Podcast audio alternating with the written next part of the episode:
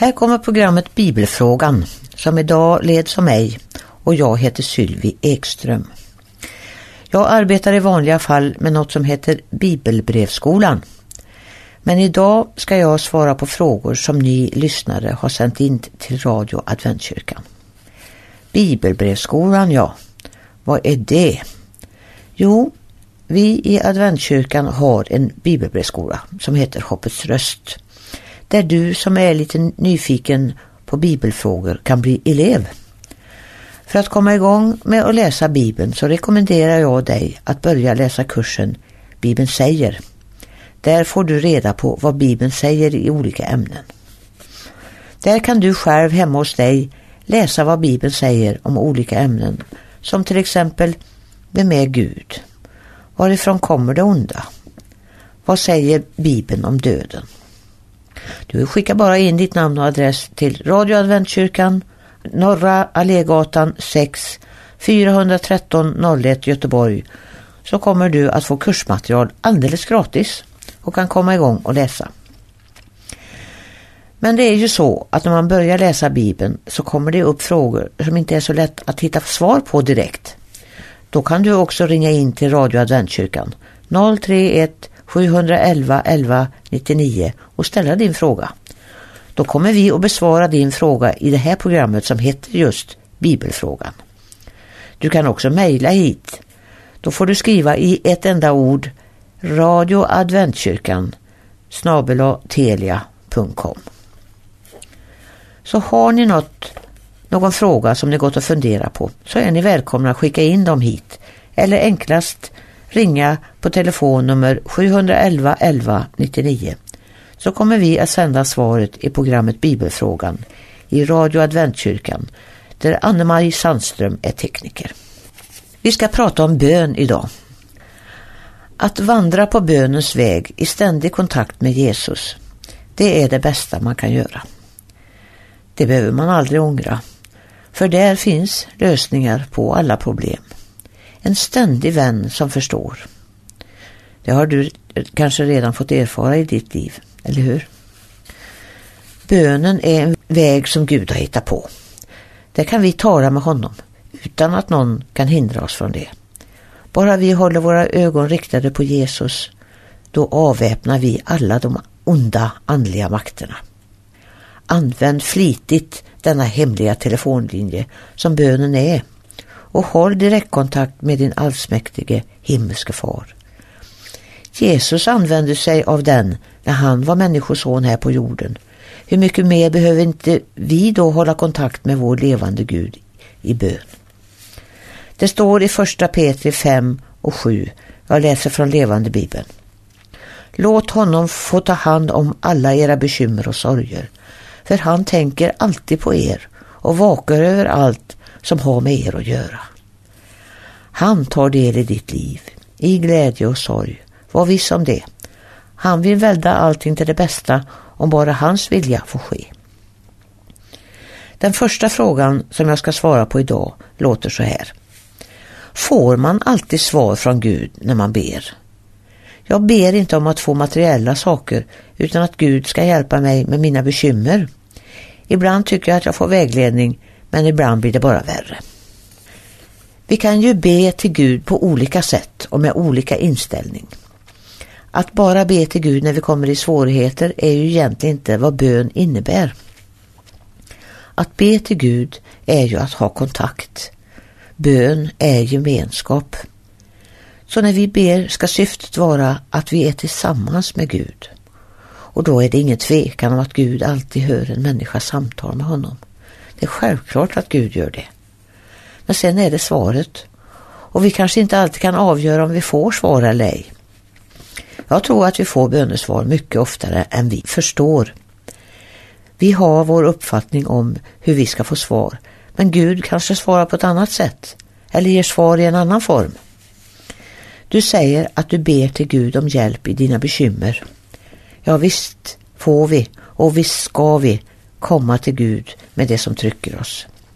Och ibland får vi lov att göra dumheter och Gud hindrar oss inte. Dels har vi ju vår fria vilja och dels kanske vi behöver få lite erfarenhet också. För det är ju genom de misstag vi gör som vi ofta lär oss bäst. Men har vi lagt våra liv i Guds händer så är jag övertygad om att även om vi väljer ett felaktigt spår så finns Gud någonstans efter spåret för att försöka få oss att växla in på rätt väg igen. Det står på flera ställen i Bibeln att Gud ska bereda en utväg. Och det står också att för dem som älskar Gud samverkar allt till det bästa. Och för den som vill ha gemenskap med Gud så blir slutstationen alltid till det bästa. Det som från Guds synpunkt är bäst. Så det där om att det blir värre är nog bara högst tillfälligt. Håll fast vid Gud så ska du se att allt blir till det bästa. Jag får en fråga till här om vilket språk Adam och Eva pratade i Edens lustgård. De pratar Guds språk. När Gud hade skapat dem var de färdiga även med språket. Men ett språk kan inte utvecklas om man inte pratar med någon. En professor satte två små barn isolerade i tysta rum för att se vilket språk de skulle börja prata. För han tänkte att han skulle få ursprungsspråket ifrån dem. Men det blev inget. De utstötte bara konstiga ljud och lät som djur. Gud skapade Adam och Eva helt färdiga och han lärde dem att umgås. Och han vill att vi ska prata med honom också. Att vi har gemenskap och lär oss att prata Guds språk, vi med. Och det gör vi genom bönen. I bönen kan vi höja oss och lära oss från Gud. I samband med bön har det också kommit in en annan fråga. Står det någonstans i Bibeln att man får eller att man ska bedja för sina avlidna? Nej, det står inget i Bibeln om att man ska bedja för de döda. Det finns absolut ingen uppmaning till det. Och undra på det om man läser om vad Bibeln säger om de avlidna. I Saltaren 115 och 17 läser vi De döda prisar inte Gud, ingen som har farit ner i det tysta. Och i Predikaren 9, vers 5 och 6 och 10. Och väl vet de som lever att de måste dö, men de döda vet alls ingenting. Både deras kärlek och deras hat och deras avund har nått sitt slut. Allt du förmår uträtta med din kraft må du söka att uträtta. Ty i dödsriket dit du går kan man inte verka eller tänka. Där finns ingen insikt eller vishet. Vi läser i Hebreerbrevet 9 och 27 och liksom det är människans lott att en gång dö och sedan dömas. Dödsriket är detsamma som graven och när en människa är död så är allt definitivt slut. Det är avslutat. Ingen förändring kan ske. Inget dras ifrån. Inget läggs till. Efter döden kan ingen säga ja till Gud. Ingen kan bli kristen efter sin död. I döden är det för sent. Det är nu man ska avgöra sig. Därför finns det ingen anledning att be för de döda som vi läste om. Så därför ett gott råd, be för de levande, inte för de avlidna. Det är till ingen nytta. Men be för de som lever är meningsfullt och det finns ju tillräckligt många levande att be för.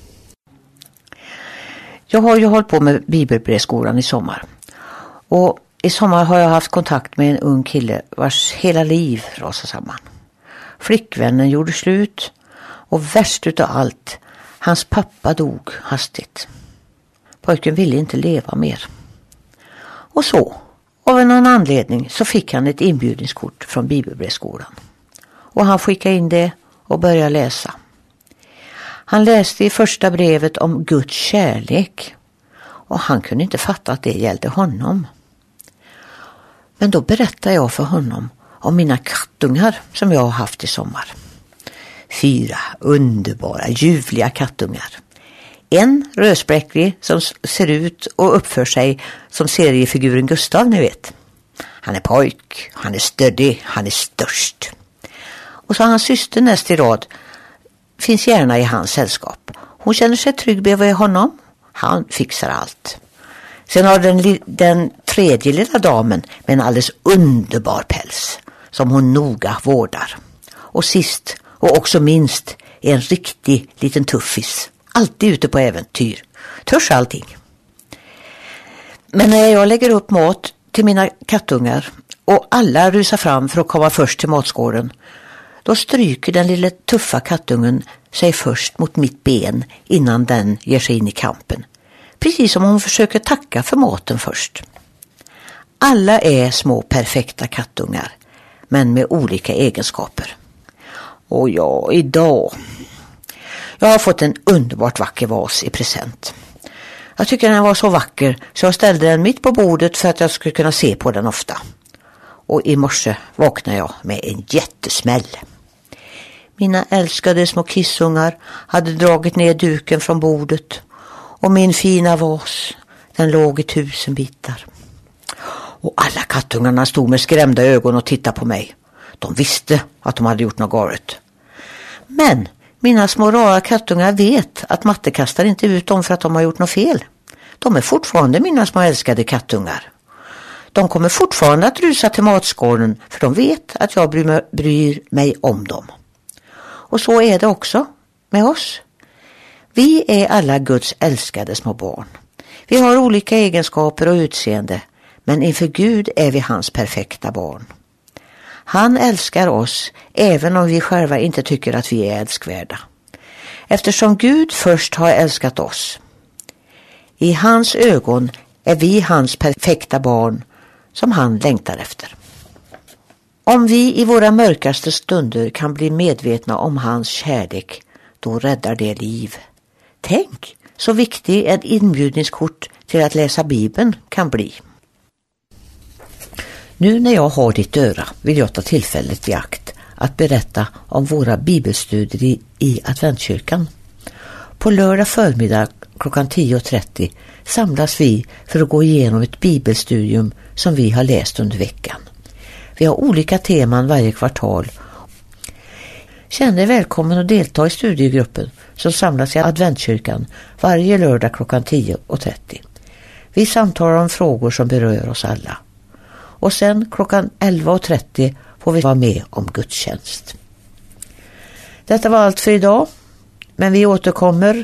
Bibeln är en fantastisk bok, outtömlig. Du är välkommen att sända in dina frågor till Radio Adventkyrkan, Norra Allégatan 6, 413 01 Göteborg eller ringa in till telefonnummer 031 711 11 99 så tar vi med din fråga i kommande program. Jag som pratar idag heter Sylvie Ekström och vår tekniker är Anna-Maj Sandström och programmet kommer från Radio Adventkyrkan.